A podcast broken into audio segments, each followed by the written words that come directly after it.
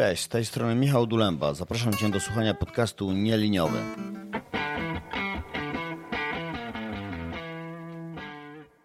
Cześć, dzisiaj porozmawiam z Pamelą Krzypkowską, która jest architekt w firmie Microsoft. Cześć Wam. Zacznijmy od super hot newsa, który ja wygrzebałem dziś w nocy, a Pamela nad ranem go też przysłała, że Bing połączył się z ChatGPT, czy w zasadzie ChatGPT wskoczył do Binga. No to prawda, dzieje się. Tak jak tutaj też możecie spodziewać się, jak to wygląda, no to po prostu wygląda tak, że wyszukiwarka umożliwia Ci wpisanie oprócz takiego powiedzmy search query zwykłego, takiego prompta, który, no właśnie, do którego już się zdążyliśmy przyzwyczaić korzystając z czata GPT, czyli po prostu właśnie, nie wiem, określenie czego potrzebuję, bardziej dokładne tutaj opisanie jakichś pewnych kwestii, więc Bing wraca do gry, że tak powiem. Z tego, co newsy na Twitterze i w innych miejscach mówią, Google przez chwilkę poczuło taki strach w swoim headquarters, więc jestem ciekaw, czy myślisz, że ten wyścig tutaj w, w tym kawałku, on się zaczyna na nowo? Uważam, że może najważniejszym elementem jest to może nie co kto, tylko kwestia tego, jak bardzo nasze doświadczenie z wyszukiwarką w ogóle i z tym, co wyszukujemy i kiedy wyszukujemy, będzie się zmieniać. I jak kiedyś na przykład trzeba było uczyć babcie na przykład, czy ciocie, jak dokładnie wyszukiwać, tak? Co napisać, żeby wyszukać to, co się chce. No to teraz trochę wchodzimy do tego, że będziemy mieli jeszcze nowszy sposób wyszukiwania i jakby uczenie się tego, jak promptować de facto i model, i wyszukiwarkę jest teraz tym skillem, którego będziemy musieli się nauczyć siebie albo innych. Czyli mówisz, że bardziej jak rozmowa z Jarvisem niż jak do tej pory dokładne, precyzyjne słowa, które być może zaprowadzą cię we właściwe miejsce. Absolutnie. Ja o tym myślę jak rozmowa z Jeanem. Trzeba po prostu dokładnie powiedzieć mu, czego się chce, żeby potem nie było, że dostanie się coś innego. No mnie to tyle ciekawi, że przez długi czas, być może nie zgodzisz się z tym, a może nie pamiętasz tych czasów, bo to jest zamierzchła przeszłość Microsoftu, miał taki bardzo zły PR, taki bardzo czarny i wszyscy programiści mówili nie, Microsoft to zło, Microsoft to zło. E, potem zaczęło się to bardzo poprawiać, jak Microsoft tam zaczął inwestować w Pythona, GitHuba i tym podobne rzeczy i nagle jesteście super hot od ostatnich paru tygodni nie wiem, czy wewnątrz firmy wyczuwacie, że to się zmieniło? Wiesz co, po pierwsze dla mnie bardzo ważne było to, jak Microsoft zaczął inwestować w open source, bo ja też się tutaj mhm. wywodzę z takiego świadka informatycznego, programistycznego i dla mnie zawsze idea open source'u była mi bardzo bliska i w ogóle fakt, że firmy technologiczne przesłaniały się w taką stronę ej, jednak to jest fajne, że możemy udostępnić mhm. ludziom rzeczy, które są otwarte, była dla mnie mega ważna i myślę, że też dla dużej części takiego, nazwijmy to, programistycznego środowiska, to też była rzecz, która dużo zmieniła. Jeżeli chodzi o te, no właśnie, najnowsze newsy, czyli tutaj OpenAI na Azurze, to na pewno dużo się mówi. I szczerze mówiąc, to też jest taka trochę może personalna nutka, ale no ja jak zastanawiałam się, gdzie chcę pracować, tak, no bo dużo ludzi myśli, mm. jak kończy studia, co chce robić, no to główna decyzja wynikała trochę z takiego podejścia opartego na wartościach w pewnym sensie i jakby ta mm. idea właśnie na przykład open source'u albo jakby ta misja, nie wiem, to się tutaj nazywa demokratyzacji technologii, tak? No to to były tutaj mhm. rzeczy, które są ważne. No i myślę, że na przykład ten Bing Search jest takim kolejnym krokiem w tym kierunku. No i to absolutnie, że tak powiem, jest głośno i też wewnątrz firmy mówi się o tym, że jest głośno. No bo wiesz, chat GPT teraz wyskakuje ci z każdej, nie wiem, otwierasz kosz na pranie, a tam siedzi chat GPT. To prawda. Boję się zajrzeć do lodówki, bo w zasadzie mam wrażenie, że tak jak był taki czas, w którym y, Wi-Fi było dodawane do wszystkiego, to teraz chat GPT będzie w zasadzie na każdym, do każdego produktu jako y, promocyjny element. Absolutnie. Ale to dobrze. Ja bardzo się cieszę. Wrażenie współpracy z tym silnikiem jest niesamowite i chyba każdy, kto, kto próbował, to jest mocno zaskoczony, choć y, tu cię też zapytam o to, są takie ciekawe dyskusje, że w sumie to nic nowego. Są takie głosy na Twitterze, że w sumie, no okej, okay, no, dodatkowy jakiś trening, trochę bardziej sprecyzowane te odpowiedzi, ale przecież te modele językowe to już mamy kilka lat, nic takiego. A jednak taki, można powiedzieć, internet zupełnie inaczej przyjął to niż te poprzednie modele. Ten hype marketingowy, czy ten zachwyt był zupełnie inny niż powiedzmy przy GPT-2 czy GPT-3 nawet?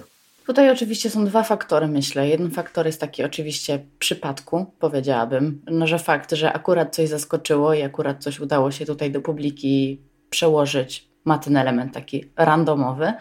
A po drugie, wydaje mi się, że to, jak interagujemy z tym, bardzo dużo zmienia. W sensie fakt, że ludzie zauważają, że umie on wykonywać rzeczy faktycznie, które byłyby, no właśnie, robione przez ludzi w taki sposób niesamowicie interesujący. No język jest takim powiedzmy korową rzeczą, którą ludzie potrafią robić wyjątkowo dobrze.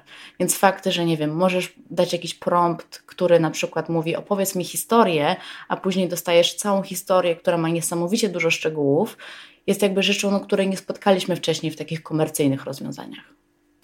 Bawią mnie strasznie te historie, gdzie ktoś tam prosi, żeby ChatGPT napisał wiersz o czymś y, zupełnie nowoczesnym w stylu pisarza XYZ. No, robi to niesamowite wrażenie, ale też tak sobie myślę, że po tej pierwszej fali zacznie się szukanie takich realnych use case'ów i tutaj proponowałeś, że być może możesz opowiedzieć już o jakichś pierwszych pomysłach, do czego jest wszczepiany jakby ten silnik.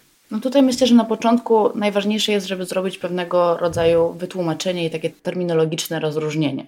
Czyli jakby, żeby powiedzieć, no, że mamy ChatGPT, to oczywiście pewnie większość Twoich słuchaczek i słuchaczy tutaj wie, jakby, ale to rozróżnienie myślę jest istotne do, do zrobienia. Mamy ChatGPT, który jest oparty właśnie o technologię GPT, ale jest dotrenowany, żeby być w stanie posiadać takie konwersacyjne e, umiejętności. No a mamy modele językowe z serii GPT. I to, co jesteśmy w stanie teraz użyć na Azurze, to są modele właśnie typu GPT do różnych zadań, takie jak właśnie wyszukiwanie, podsumowywanie jakichś tekstów, poprawianie tekstu, oczywiście generacja i poprawa kodu. To są takie podstawowe rzeczy, które tutaj możemy robić. Na pewno zaraz jeszcze przejdziemy do tego, co dokładnie z czym i jak możemy robić, ale najważniejsze jest to, że to jest to, co jest dostępne i to jest to, z czym już możemy pracować. I tak jeszcze, żeby skomentować to, że już mamy use cases, to weź pod uwagę, że w General Availability, czyli dostępne na Azure już z SLA, czyli z tym, że możemy mówić jakby ile ten serwis będzie dostępny, OpenAI pokazało się 15 stycznia. Mamy już luty, a jesteśmy w stanie powiedzieć, że ten serwis już teraz ma produkcyjne use cases, które są używane na bardzo dużą skalę. Więc to jest pierwsza informacja dla biznesu i dla nas, co było w ogóle niespotykane w świecie data science, że jesteśmy w stanie prototypować te rozwiązania jak pstryknięcie palcem. Więc to jest na pewno pierwsza ważna informacja, czyli mega szybkie prototypowanie, mega szybkie wdrażanie na produkcję. A jeżeli chodzi o takie use cases, które już są w świecie, to moim zdaniem taki najfajniejszy, najciekawszy i najczęściej spotykany tutaj to jest po prostu przeszukiwanie dokumentów. Fakt, że bardzo dużo firm, w tym przypadku ten use case, o którym powiem dwa słowa, to jest Nationale Nederlanden, posiada bardzo dużo dokumentów, które używa po prostu w procesie swoich claimów. I właśnie w procesie tych claimów masz bardzo dużo nieustrukturyzowanych dokumentów, które są jakby przesyłane przez klientów bardzo różnymi kanałami. No i fakt, że oni są w stanie wrzucać je, czyli dotrenowywać de facto te modele GPT tymi dokumentami i tym, co tam de facto może być znalezione i gdzie te dokumenty mogą się znajdować. Dzięki temu te procesy claimowe są dużo szybsze. No a jak wiemy, w dużych firmach to jest bardzo często problem, że mamy bardzo dużo informacji w bardzo dużej ilości miejsc. No i po pierwsze, można zinformować, gdzie te informacje się znajdują, a po drugie, no de facto, co jest tą informacją, której poszukujemy. Więc to jest taki, powiedzmy, najczęstszy element, dobre wyszukiwanie jakiegoś kontentu w dokumentach. Drugi use case, który jest bardzo popularny, co też możemy się spodziewać po czacie GPT, jest oczywiście chatbot. I to są chatboty, które są i client-facing, i takie wewnętrzne, firmowe. I tutaj na przykład Wipro jest taką firmą, która wprowadziła takie rozwiązanie dla swoich pracowników, gdzie pracownicy zamiast, nie wiem, wyszukiwać na jakichś stronach HR-owych, mogą po prostu wejść na takiego czata, który oczywiście był dotrenowany też tutaj tymi informacjami z firmy.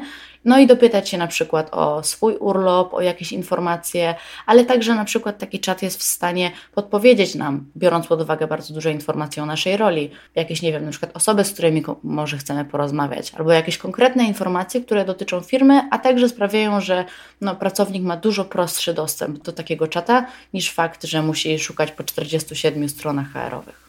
To zapytam Cię jeszcze tutaj, wróćmy do tego Nationale Nederlanden. Zakładam, że oni mogą mieć miliony tych dokumentów.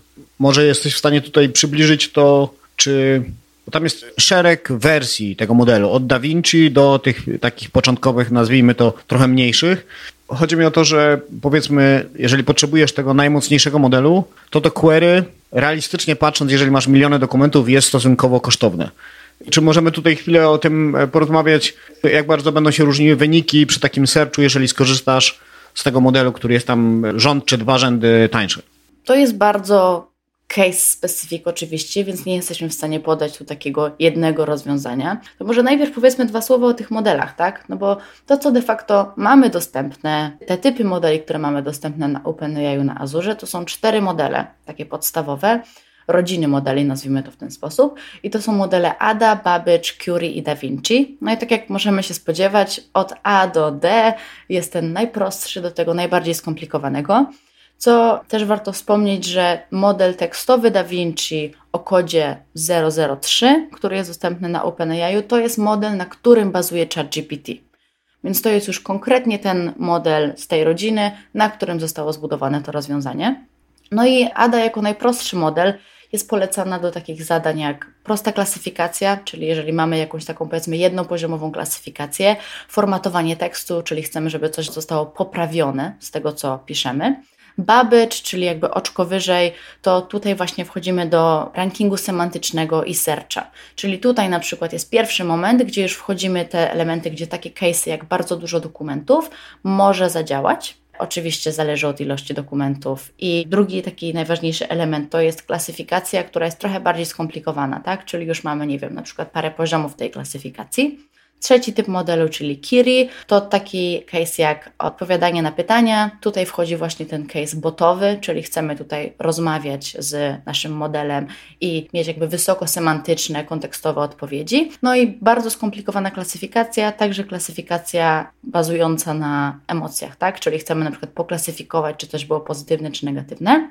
No i Da Vinci, ten ostatni element, to na przykład takie use case jak podsumowanie dla specyficznych grup odbiorców, czyli na przykład nie chcemy po prostu podsumowania tekstu, tylko chcemy podsumowanie dla osób z IT, dla osób z biznesu. To tutaj jest element, gdzie Da Vinci, że tak powiem, błyszczy no a także generowanie jakiegokolwiek kontentu kreatywnego, czyli właśnie, nie wiem, jakieś nowe slogany marketingowe, elementy, gdzie potrzebujemy dużo takiego właśnie kontekstowego rozumienia pewnego rodzaju generacji nowych elementów no to tutaj absolutnie Da Vinci. Więc wracając do Twojego pytania, jeżeli chodzi o takie case'y wyszukiwania, to tu oczywiście Babbage jest takim punktem startowym, od którego możemy zacząć prototypować, no a później zależnie od tego, jak to będzie wyglądać, po prostu idziemy do góry. No tak jak możesz się spodziewać, model wyższej klasy umie wszystko co niższej plus więcej. Więc jakby tutaj możemy mieć pewność, że idziemy w kierunku wzrastającym. Domyślam się, bo jeżeli masz powiedzmy,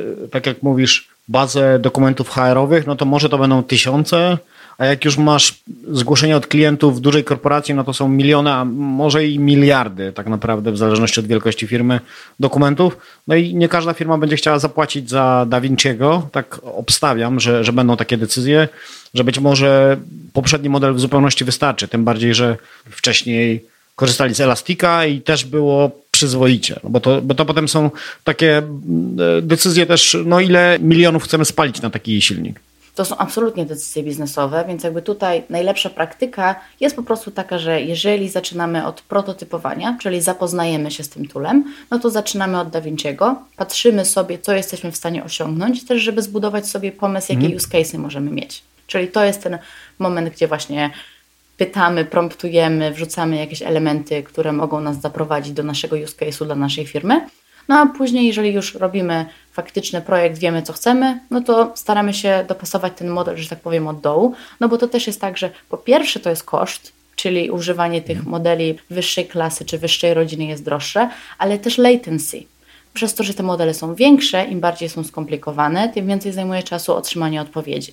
Więc także możemy po prostu dostać odpowiedź dużo szybciej na nasze mhm. pytanie, to dlaczego mamy używać modelu, któremu to zajmie więcej czasu.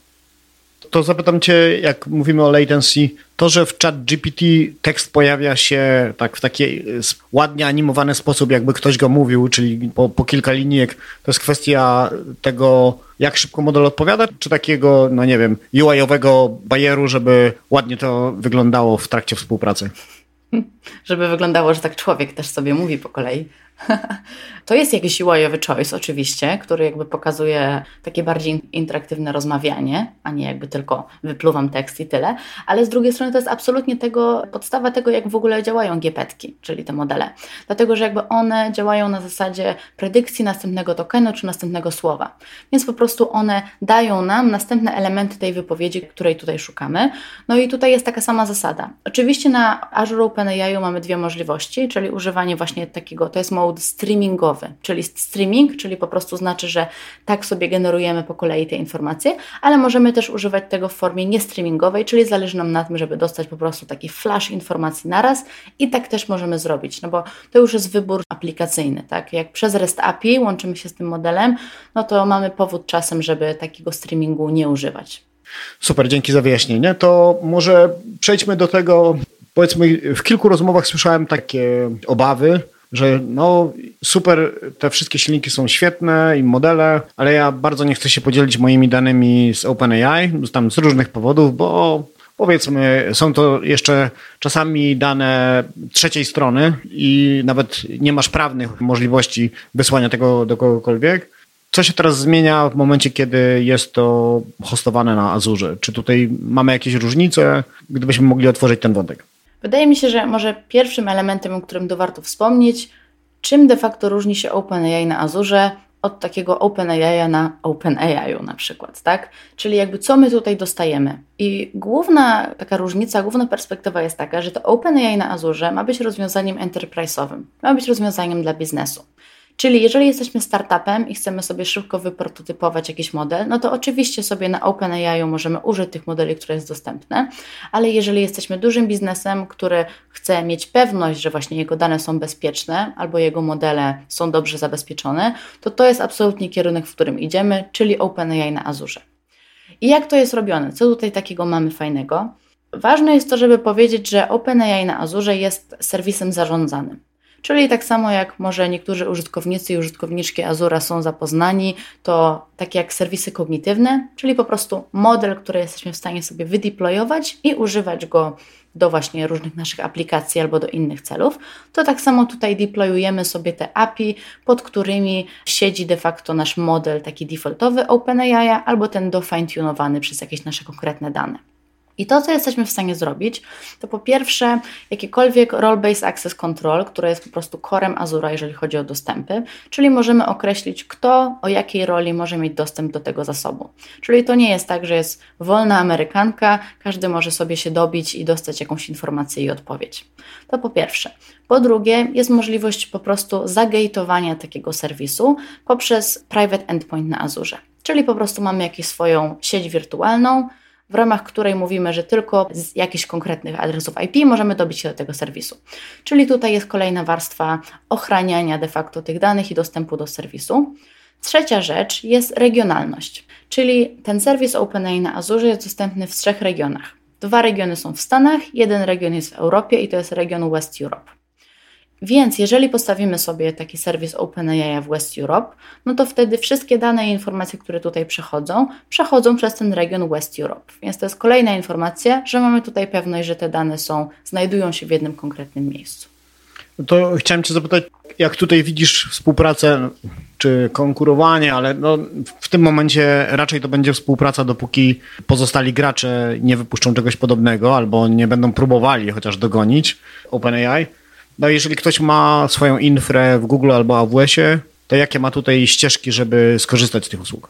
Tutaj integracja jest analogiczna jak z każdym innym serwisem. Bardzo często się zdarza, że jacyś klienci posiadają jakąś infrastrukturę w mhm. jakiejś chmurze albo posiadają u siebie lokalnie, w on-premie, no i potrzebujemy tutaj dokonać takiej integracji. Więc są po prostu opcję przerzucenia tych danych pewnego rodzaju, na przykład do fine-tuningu, tak, no bo te dane w tym przypadku będą trzymane w Azurze, jeżeli chcemy do fine-tunować nasz model w blob storage'u, storage accountie, też takim zasobie na Azurze, no więc po prostu jest opcja użycia jakiegoś konkretnego komponentu, jak Azure Data Factory, już mi się tu włącza architektoniczny zmysł, rysuję sobie, jak to mogłoby potencjalnie wyglądać, no więc przerzucamy sobie po prostu takie dane, jest oczywiście opcja po prostu przez jakiegoś VPN-a przerzucenie tego do Azura, no i wtedy już lecimy tak jak każdy czysto azurowy klient, wszystko wygląda tak samo. No i oczywiście, jak ta odpowiedź jest generowana, zależnie gdzie ją sobie generujemy, no to prawdopodobnie z poziomu kodu ją sobie generujemy i nie ma tutaj już wymogu przerzucania tego, ale jeżeli potrzebujemy to przerzucić i na przykład zapisać to gdzieś lokalnie, właśnie nie wiem, lokalnie w sensie już na naszej infrastrukturze, powiedzmy w Google albo gdzieś indziej, to też jest oczywiście żeby to przerzucić, no ale przez to, że to jest REST no to ta informacja może być generowana dosłownie wszędzie. No to jeszcze chciałem zapytać, bo też pojawiła się taka rozmowa, co w przypadku, jeżeli musisz zatrzymać dane wewnątrz Polski? Czy tutaj to po prostu w kolejnych regionach się będzie pojawiać? Absolutnie w kolejnych regionach się będzie pojawiać i tak jak też tutaj pewnie pijesz do tego, Poland Central jest on the way, więc zaraz już będzie opcja postawienia sobie zasobów na Azurze. Absolutnie tak, też się bardzo cieszę, ale jeżeli chodzi o OpenAI, no to to jeszcze nie jest mhm. i powiedzmy w najbliższym, najbliższej chwili nie będzie dostępne. Na razie wewnątrz Europy, jeżeli cię to, to prawo nazwijmy to zadowala, to możesz to robić, ale jeżeli musisz wewnątrz kraju, no to, to poczekasz aż te 100 tysięcy komputerów ktoś zakopie pod ziemią i dopiero wtedy będzie można z tego korzystać. To jest kwestia też e, zapotrzebowania, tak? Mhm. Więc jeżeli tutaj słuchacze i słuchaczki mają taką potrzebę i jakby chcieliby o tym porozmawiać, to oczywiście pogadajmy, bo to jest super, żeby móc pokazać, że mamy jakąś konkretną kwestię, gdzie mhm. ta usługa będzie nam tutaj bardzo potrzebna. Ale szczerze mówiąc, w ogóle mówiąc o regulacjach, to zazwyczaj jakby w bardzo dużej ilości przypadków też z personalnego doświadczenia po prostu potrzebujemy mieć te dane w Europie. To nie mhm. jest tak, że te dane potrzebują być na terenie Polski bardzo często, tylko w Europie, co już mamy gotowe, co już możemy jakby de facto użyć z OpenAI właśnie w West Europe. Dobra, to uciekniemy na chwilę od tego OpenAI. Powiedziałeś, że włącza ci się myślenie architektoniczne, to może skoczmy do tego wątku. Co ty ciekawego robisz w tym Microsoftie? To jest zawsze bardzo interesujące, jak ktoś pyta. Myślę, że w większości prac, które ludzie teraz wykonują, jak ktoś pyta cię, co robisz? I masz taką chwilę, Jestem czatem GPT i muszę teraz wygenerować z siebie jakiś krótki, krótki prompt, krótką odpowiedź z tego, co ja robię. Nie, może być długa i myślę, że większość słuchaczy ma zdecydowanie większą wiedzę niż jak tłumaczysz to cioci na urodzinach. Absolutnie. Znaczy, tak jak e, tutaj możesz się spodziewać, mój tytuł to jest de facto bycie architektem cloudowym, który specjalizuje się w mhm. rozwiązaniach AI-owych. No i oczywiście Powiedziałabym, że rodzaj pracy, który tutaj robię, bardzo zależy od doświadczenia i dojrzałości klienta, bo w bardzo różnych case'ach, oczywiście to jest praca z klientem i ja pracuję z klientami z rynku enterprise polskiego.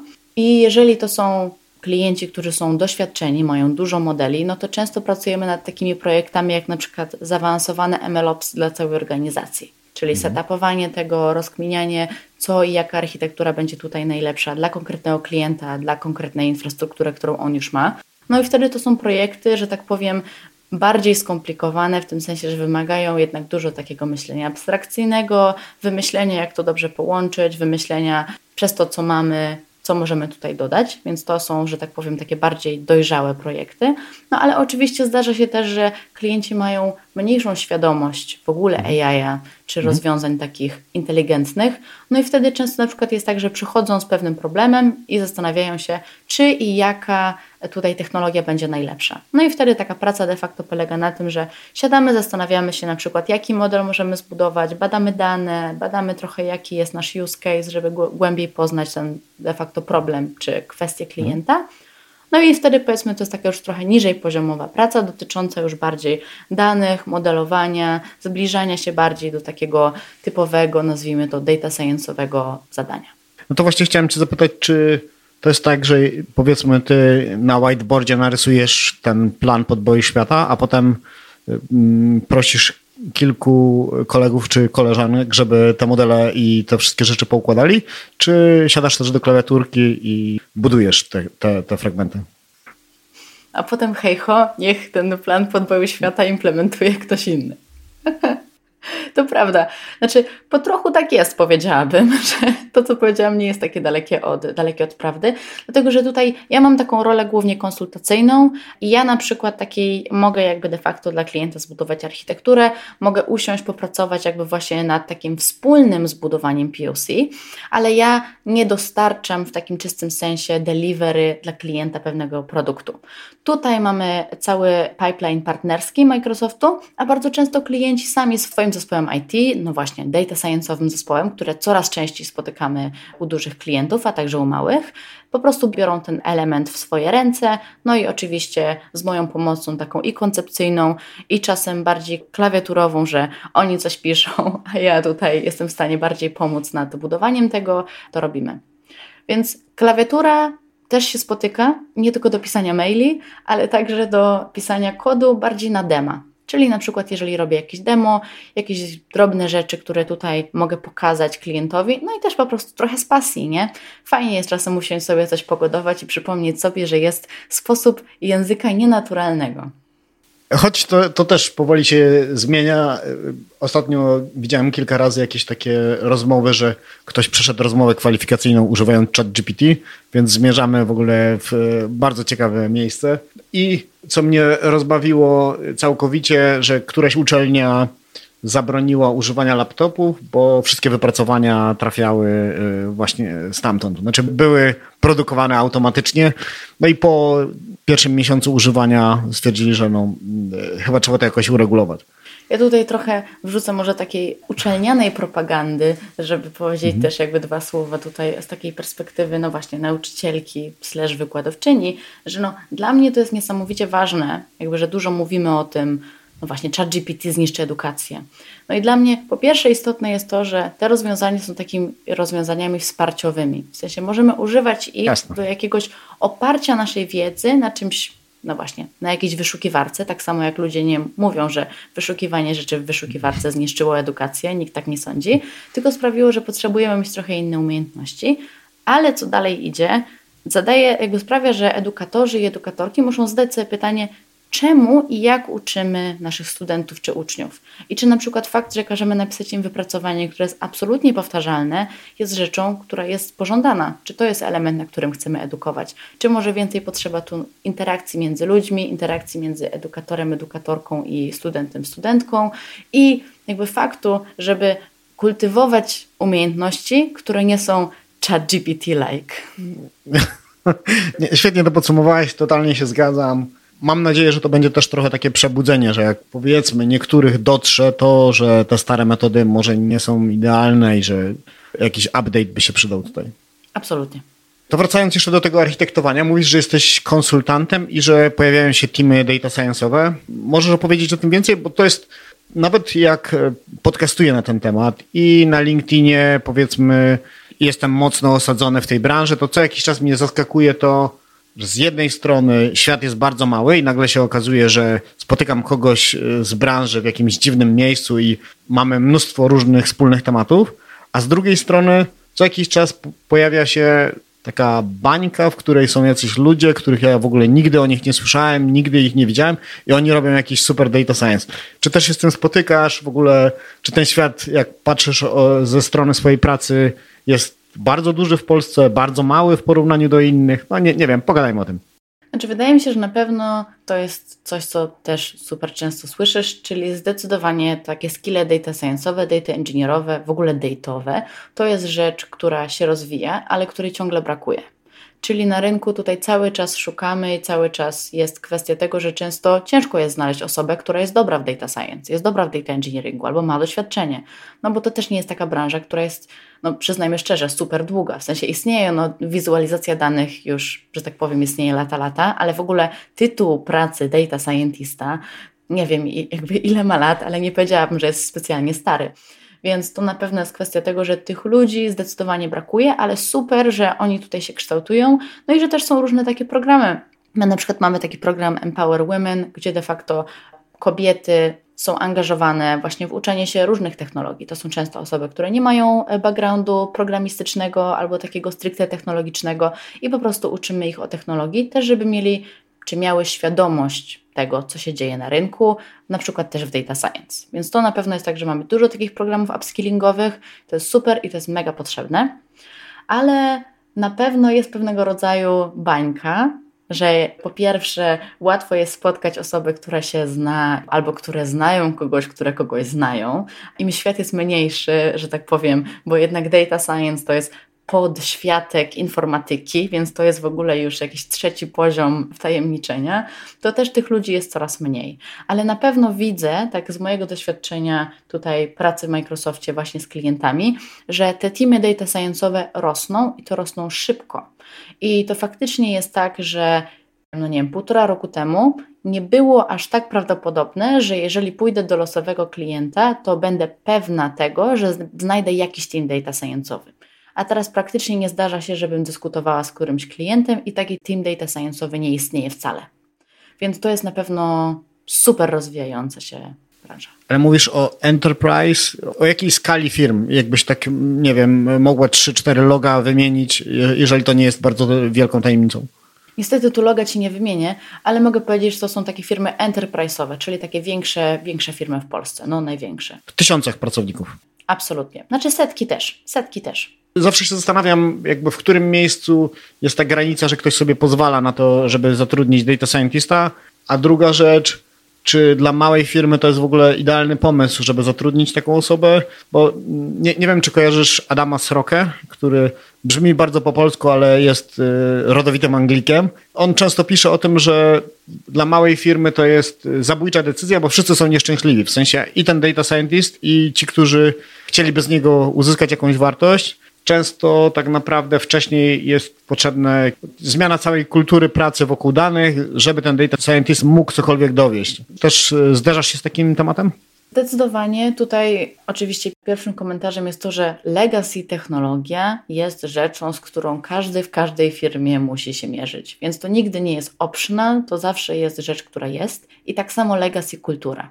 Więc legacy kultura, nie wiem, tego, że nie mamy trochę takiego, jak to się ładnie mówi, data-oriented culture, to jest klasyk. Więc na pewno tutaj taki shift kulturowy firmy i tego, co firma chce zrobić i jakie ma do tego zasoby i pomysły, jest mega ważny.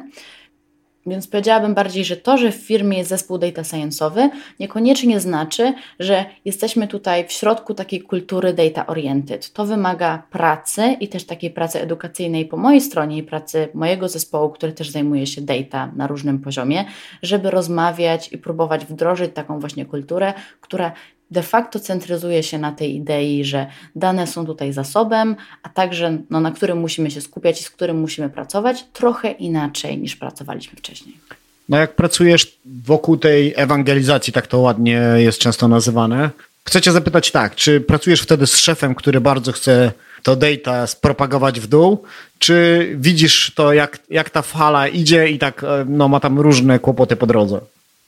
To też bardzo zależy. Mhm. Są firmy i firmy i są kultury i kultury. Więc w niektórych przypadkach to jest tak, że często przychodzą osoby, na przykład z IT, które są bardzo świadome tego, jak wygląda technologia, jak wygląda innowacja i mówią, ej, chcemy zrobić zmiany w naszej firmie, chcemy, no właśnie, wprowadzić chmurę, chcemy wprowadzić e, AI, chcemy wprowadzić właśnie, nie wiem, lepszą hurtownię, modern data warehouse. I tutaj zaczyna się rozmowa, że tak powiem, od zera do bohatera, czyli takie bottom-up podejście, a czasem przychodzi taki dyrektor czy dyrektorka, która jest wyjątkowo świadoma i mówi: Ej, słuchaj, wiem, że na przykład mamy taką legacy technologię. Więc to bardzo zależy i też różnie wygląda ten poziom adopcji albo chęci adopcji.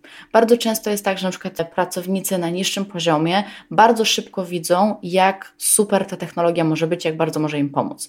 Na przykład jakiekolwiek właśnie rozwiązania paperless. To też jest taka mega prosta rzecz, która w większości firm się znajduje.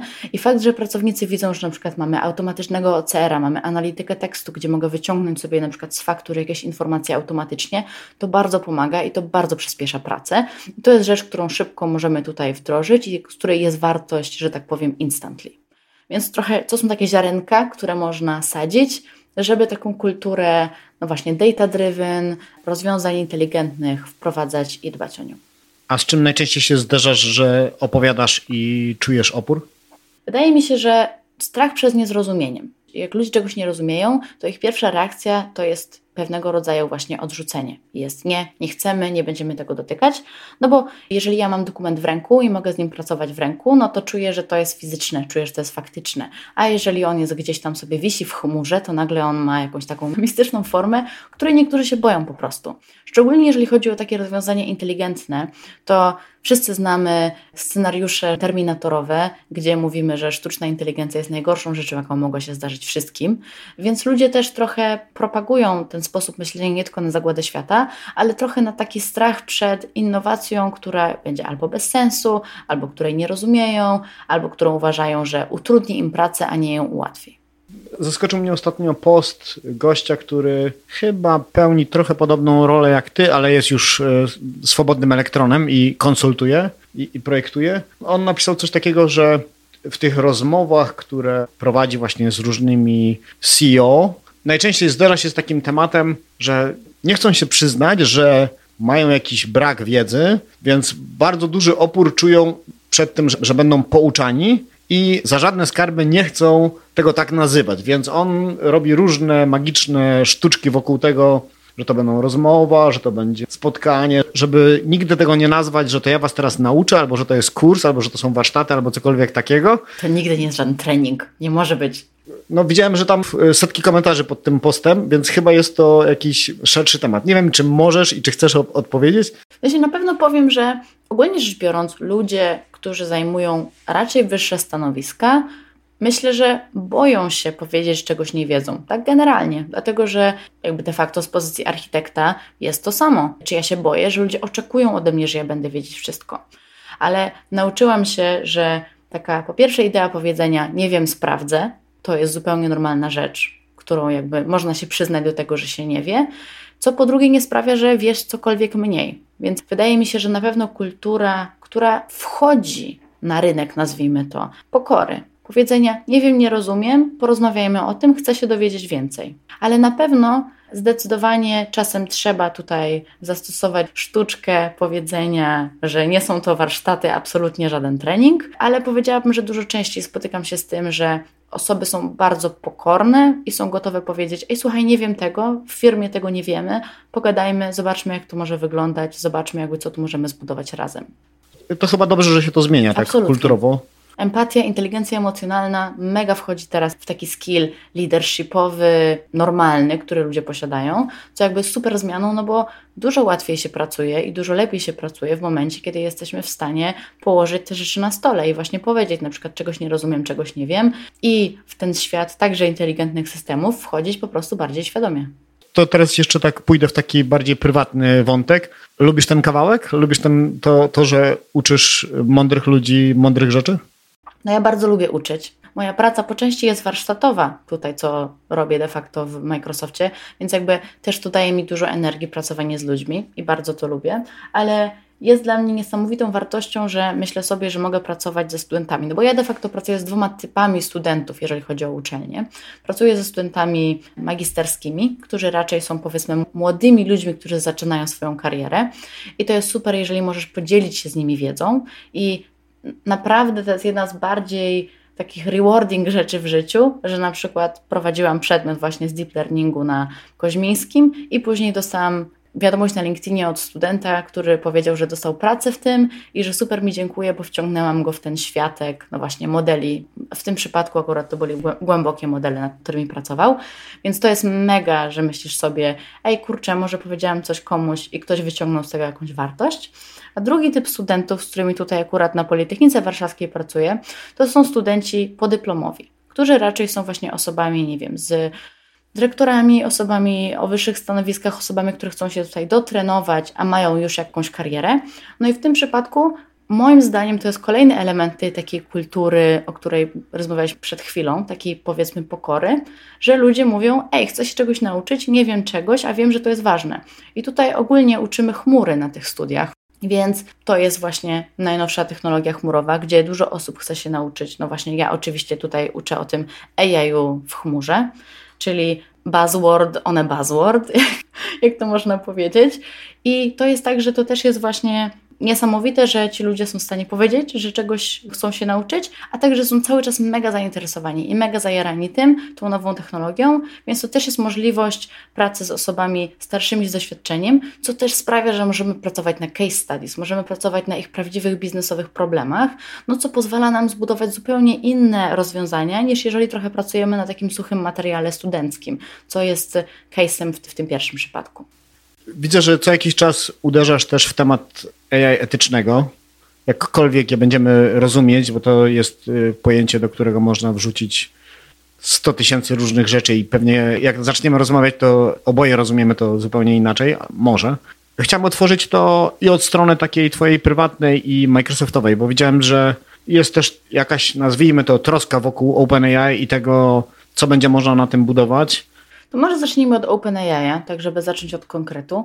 No i absolutnie, jeżeli chodzi o jakiekolwiek tutaj rozwiązania Microsoftowe, to tutaj jest duża świadomość i mamy takie duże przeświadczenie, że to jest jednak ważne, żeby być w stanie budować rozwiązania, które są etyczne i to na dwóch poziomach, czyli budować etyczną technologię, to jest krok pierwszy, a potem za pomocą tej technologii budować etyczne rozwiązania, bo to są dwa poziomy, które oba są niesamowicie istotne.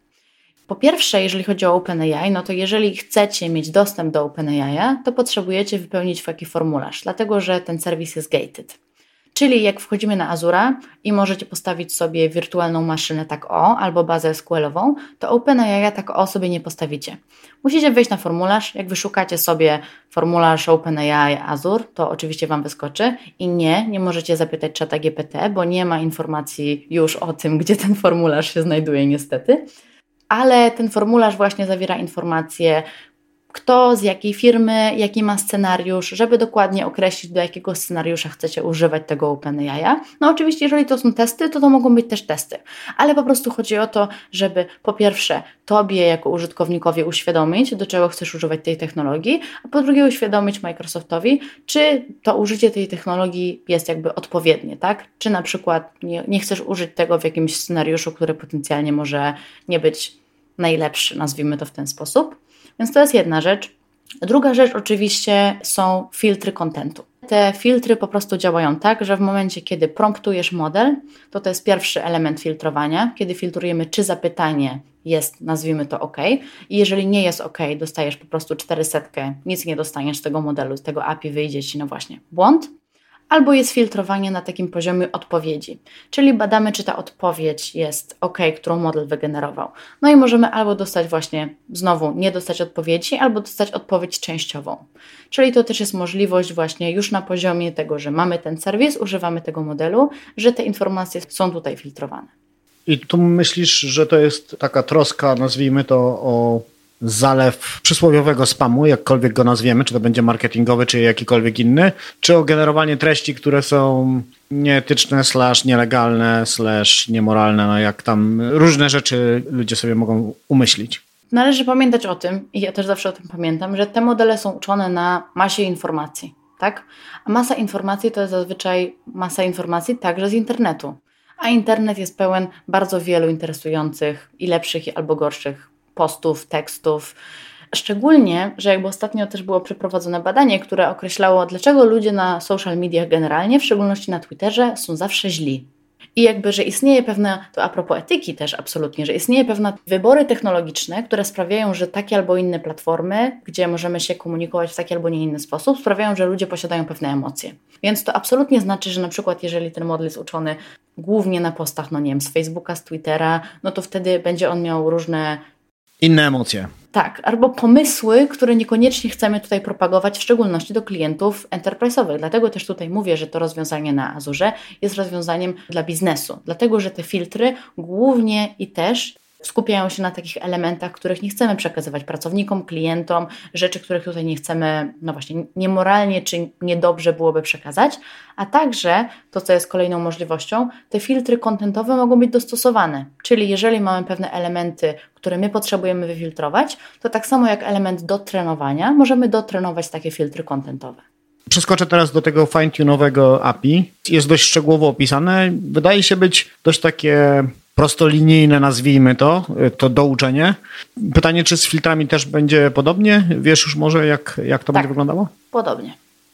No to tutaj dla słuchaczy to jest kwestia tego, że jest prompt i odpowiedź i jeżeli mamy tam kilkaset przykładów w zależności od use case'u przygotowane w JSONie, to jest taka baza do tego, żeby dotrenować. Tak, przynajmniej tak rozumiem ten opis. Tak, to możemy przejść trochę do tego fine-tunowania albo w ogóle do użycia tego serwisu, no bo trochę mówiliśmy, co tam jest, z czego możemy skorzystać, ale ważne jest to, no właśnie, jak możemy z tego skorzystać. Dlatego, że załóżmy, że już wypełniliśmy nasz formularz, napisaliśmy, do jakich super rzeczy chcemy wykorzystać OpenAI na Azure, już sobie to OpenAI postawiliśmy prawdopodobnie w West Europe, no i potem mamy tu trzy opcje. Mamy opcję korzystania z portalu OpenAI, gdzie portal OpenAI jest, tak jak mówiłam, jeżeli znacie tutaj serwisy kognitywne, to jest coś analogicznego, czyli to jest po prostu webowy interfejs, gdzie możemy sobie otworzyć taki playground, który ten playground po prostu umożliwia nam skorzystanie z konkretnego modelu i zbadanie, co ten model odpowie na dany prompt. Więc to jest taka możliwość testowania i pierwszego prototypowania tego modelu. Więc to jest jedna opcja. Druga opcja to jest skorzystanie z SDK. Tak jak też możemy się spodziewać, takie największe i najbardziej utrzymywane SDK to jest SDK Pythonowe. No więc po prostu bierzemy sobie taki Pythonowy kodzik, gdzie w środku wklikujemy sobie oczywiście klucz, który może być tym kluczem Microsoftowym, ale także może być kluczem typu po prostu bring your own key, czyli też jest opcja, że my zarządzamy tymi kluczami do serwisu, co też w kwestii security jest niesamowicie ważne. Zadajemy zapytania, no i po prostu te zapytania lecą oczywiście też do serwisu w ten sam sposób.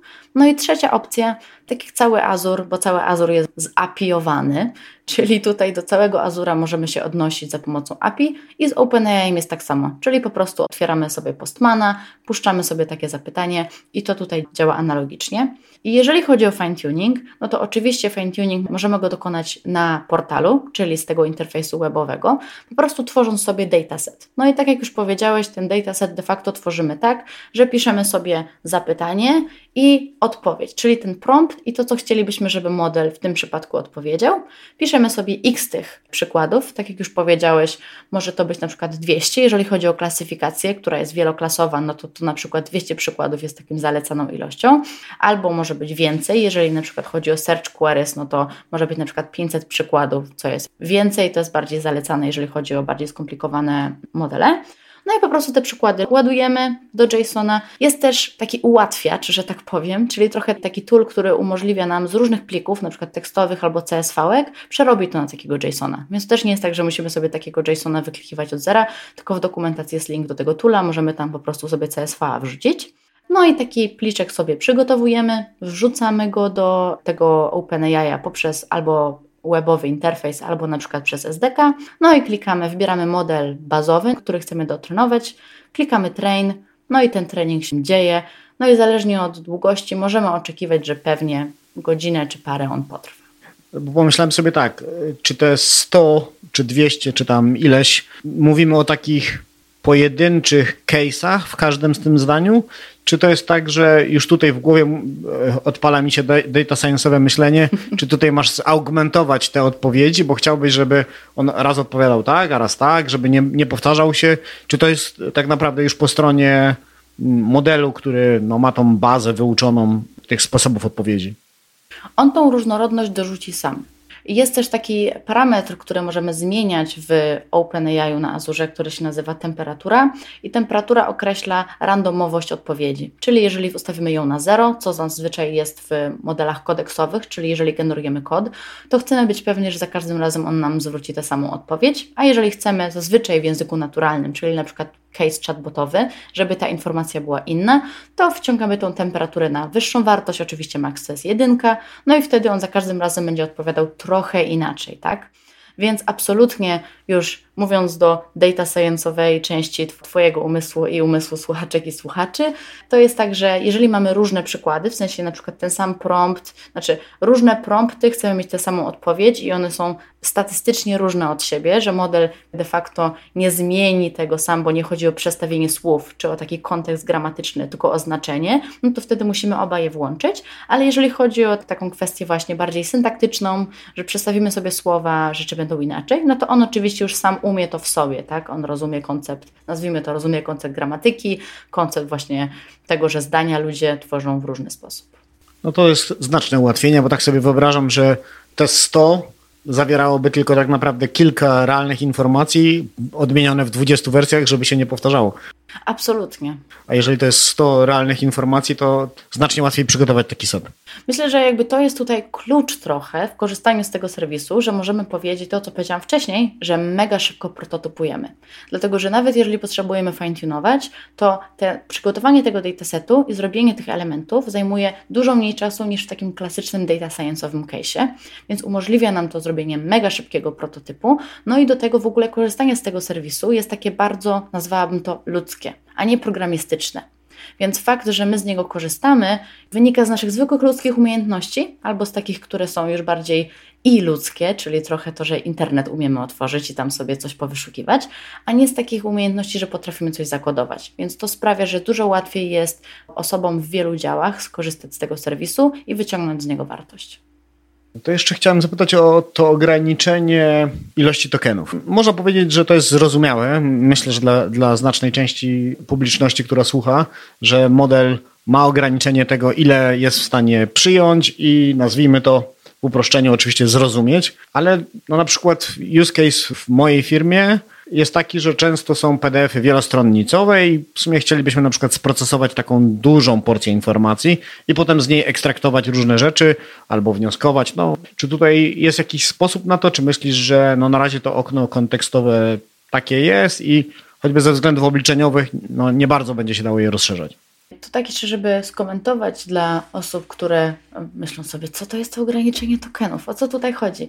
To e, tokeny to ogólnie rzecz biorąc, tak jak możecie się spodziewać, słowa albo podsłowa. I średnio na OpenAI 730 słów to jest 1000 tokenów. Czyli widzimy, że głównie to jest jedno słowo, ale czasem to jesteśmy w stanie sobie tutaj podzielić. No więc ograniczenia są takie, że po prostu dla tych wyższych modeli to jest 4000 tokenów, które są w stanie być zarequestowane i zwrócone, a dla tych prostszych modeli to jest 2048. I absolutnie, jak tutaj mówisz, co mamy zrobić, jak mamy większe dokumenty, to po prostu w tym przypadku, jeżeli dotrenowujemy na przykład na naszych dokumentach, to te dokumenty dzielimy sobie na pewnego rodzaju podpliki, ale jesteśmy w stanie linkować do jednego konkretnego pliku, tego master pliku, gdzie te informacje się znajdują. Więc jakby są sposoby na to, żeby skorzystać z tej opcji mam duży dokument, ale chcę jakoś dotrenować ten mój model. Plus oczywiście, no zazwyczaj jeżeli myślimy o takich use case'ach generowania odpowiedzi, no to jak myślicie sobie 2000 słów, powiedzmy, czy tam nie wiem, 1500 słów ma być wygenerowane, no to myślimy sobie, przynajmniej ja sobie myślę, jak ja to przeczytam i co to jest za informacja. No zazwyczaj zadajemy pytania, które mają około 100, 200, 300 tokenów. Maksymalne odpowiedzi, na przykład podsumowania tekstów, to mogą być około 300 tokenów, 400 tokenów. Ale w takich standardowych scenariuszach nie korzystamy z tego więcej. No i absolutnie absolutnie masz rację, że tutaj jest to ograniczenie obliczeniowe, tak? No bo latency, które i tak już jak sobie generujemy te teksty token po tokenie, jest jednak jakieś, jak czekamy na tysiąc tokenów. Więc jeżeli będzie ich więcej, no to oczywiście musimy czekać dłużej. Ale no jest szansa i myślę nawet spora, że te, jakby te limity zostaną podniesione, tylko wydaje mi się, że 97% use case'ów już może być zaadresowane teraz bez żadnego problemu z tą ilością tokenów, którą mamy. Jeszcze wróćmy na chwilkę do tego, bo mówisz, że można podlinkować te strony do tego master dokumentu. A jak to ugryźć w przypadku, bo tutaj przeskoczę na chwilkę, do, to jest też fragment tego, tej części produktu, że można korzystać z modeli OpenAI, żeby wygenerować sobie embedding, który sobie tam gdzieś wkleimy do jakiegoś silnika porównującego wektory. No i mamy wyszukiwarkę, która też jest e, ostatnio chyba takim, no powiedzmy, must have'em e, coraz częstszym. Czy tutaj jest jakiś best practice, jak sobie poradzić z tym, że znowu idealnie byłoby mieć embedding per strona, czy per jakaś większa porcja informacji? Jak sobie poradzić z, taką sytuacją? Tak, bo tutaj głównie trochę jak rozmawiamy o use case'ach, to mówiliśmy o tych takich API czy modelach, to się nazywa completions, czyli właśnie albo sobie dokańczamy jakieś zdanie, albo dokańczamy jakiś kod, który piszemy, ale są też modele właśnie embeddingowe, które generują nam reprezentację na przykład jakiegoś dokumentu, albo jakiejś strony, albo jakiegoś paragrafu w modeli przestrzeni reprezentacji. No i tutaj myślę, że w większości case'ów to zazwyczaj sprowadza się do tego, że chcemy mieć odpowiedzi na jakieś pytania. Więc tutaj trenujemy dwa modele, bo generujemy embeddingi dla zapytań i generujemy embeddingi dla naszych tekstów albo paragrafów. No i głównie jest tak, że odpowiedzi są w paragrafach, więc nie wrzucasz całego dokumentu, tylko wrzucasz pewien paragraf z odpowiedzią. Więc jakby po pierwsze, to zazwyczaj jest krótsze, to jest jedna informacja. Po drugie, wtedy też generujesz sobie taki dataset plikowy, tekstowy, excelowy, gdzie te embeddingi po prostu wrzucasz. No i potem oczywiście na końcu te embeddingi tutaj porównujesz sobie za pomocą tego podobieństwa kosinusa kątów, nie? Masz dwa de facto wektory, które są tymi embeddingami i porównujesz sobie na przykład jak zapytanie ma się do tego paragrafu, który wrzuciłeś do tego pliku. To może być przydatna informacja Właśnie dokonujemy takiego eksperymentu i zastanawialiśmy się, czy da się obejść to, to ograniczenie tokenowe per dokumentu. Jasne. Bardzo polecam w ogóle, bo już zrobiliśmy taki, to się nazywa akcelerator, który adresuje dosłownie ten case, czyli ten case właśnie wyszukiwania, gdzie masz całą architekturę, którą możesz sobie z Terraforma wydeployować jednym klikiem z naszego GitHuba, więc bardzo polecam wyszukać sobie po prostu akcelerator, GitHub, Search OpenAI i właśnie tam mówimy o tym, jak możemy sobie na Reddisie za pomocą właśnie OpenAI i storage accounta zbudować taki silnik searchowy bazujący na embeddingach świetnie. Dodamy linka do opisu podcastu. To może jeszcze na sekundę wskoczmy do tej etyki po Twojej stronie. Czemu to dla Ciebie ważne? To jest taki z jednej strony, ja też co jakiś czas do tego w odcinkach wracam, można powiedzieć, ważne, żeby tą świadomość podnosić, a z drugiej strony robi się to trochę nie chcę nikogo obrazić, ale stało się takie modne. Czyli jak chcę o czymś pogadać, to porozmawiam o tym, czy AI nas w końcu zniszczy, albo jak je uregulować, no bo przecież ono zabierze wszystkie prace i w ogóle. Bardzo mi się y, podoba to stwierdzenie. Myślę, że możemy nazwać to jakiś taki, nie wiem, ethics washing mm, w pewnym tak, tak sensie. Tak, tak. tak jak się mówi właśnie. Greenwashing, tak. Greenwashing albo greenwashing. Więc po pierwsze chciałabym powiedzieć, że jeżeli to jest popularne, to ja się bardzo cieszę i chciałabym, żeby wszyscy o tym mówili, nawet jeżeli tylko połowa ludzi na razie wie o co chodzi, ale tylko usłyszy i później zastanowi się, ej, może to jest jednak istotne, to bardzo mnie to cieszy. Więc jakby cieszę się, że ludzie o tym mówią i bardzo dobrze, że jakby jest o tym głośno. Jednak chciałabym, żeby ten content, który istnieje na ten temat, był sensowny, dobry i dobrej jakości, no bo absolutnie tutaj nie chcemy dawać ludziom ani fałszywych, ani jakichkolwiek pustych informacji na ten temat. I wydaje mi się, że to, co jest istotne, jest to, żeby patrzeć nie tylko na etykę AI, tylko patrzeć na etykę technologii w ogóle. Czyli jakby trochę pójść krok do tyłu. No i to jest o tyle istotne, jak możesz się spodziewać, że myślimy sobie, myślę, jako ludzie społecznie, że Chcemy, żeby to, co tworzymy, rozwiązania, technologia, była przydatna, ale żeby służyła nam, społeczeństwu, planecie, środowisku. I to jest tutaj główny cel, który myślę przyświeca bardzo dużej ilości ludzi w Europie. Tutaj Europa jest takim centrum, gdzie człowiek, pewnego rodzaju właśnie wartości ludzkie są w środku naszego rozumowania, więc to jest mega istotne i jakby bardzo ważne, żeby o tym mówić i fajnie, że dużo ludzi o tym mówi.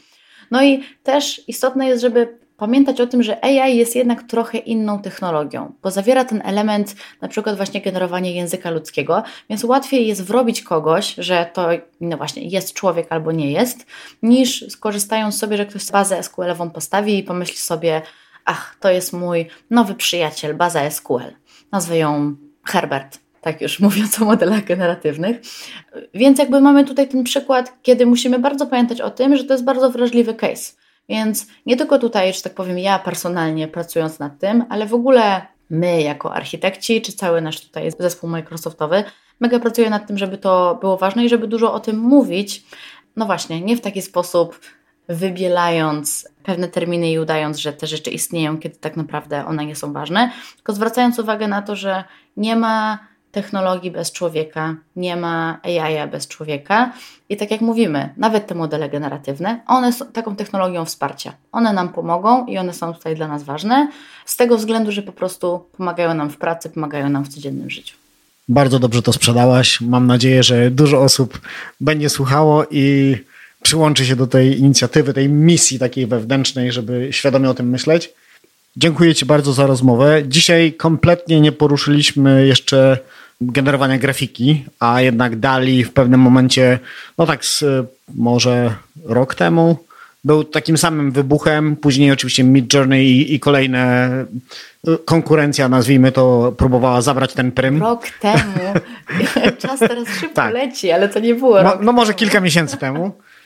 E, to mam nadzieję, że się jeszcze dasz zaprosić i wtedy przejdziemy do tych graficznych rzeczy, bo tam jest niesamowita Absolutnie. historia tak naprawdę. Dali też jest na OpenAI, jakbyście się zastanawiali, więc też w formularzu można o niego zarequestować. Więc śmiało, jeżeli macie jakiś use case tego dotyczący, pisujcie i z tym też będziemy, będziemy pracować. To dzięki jeszcze raz za rozmowę. Do usłyszenia. Dzięki.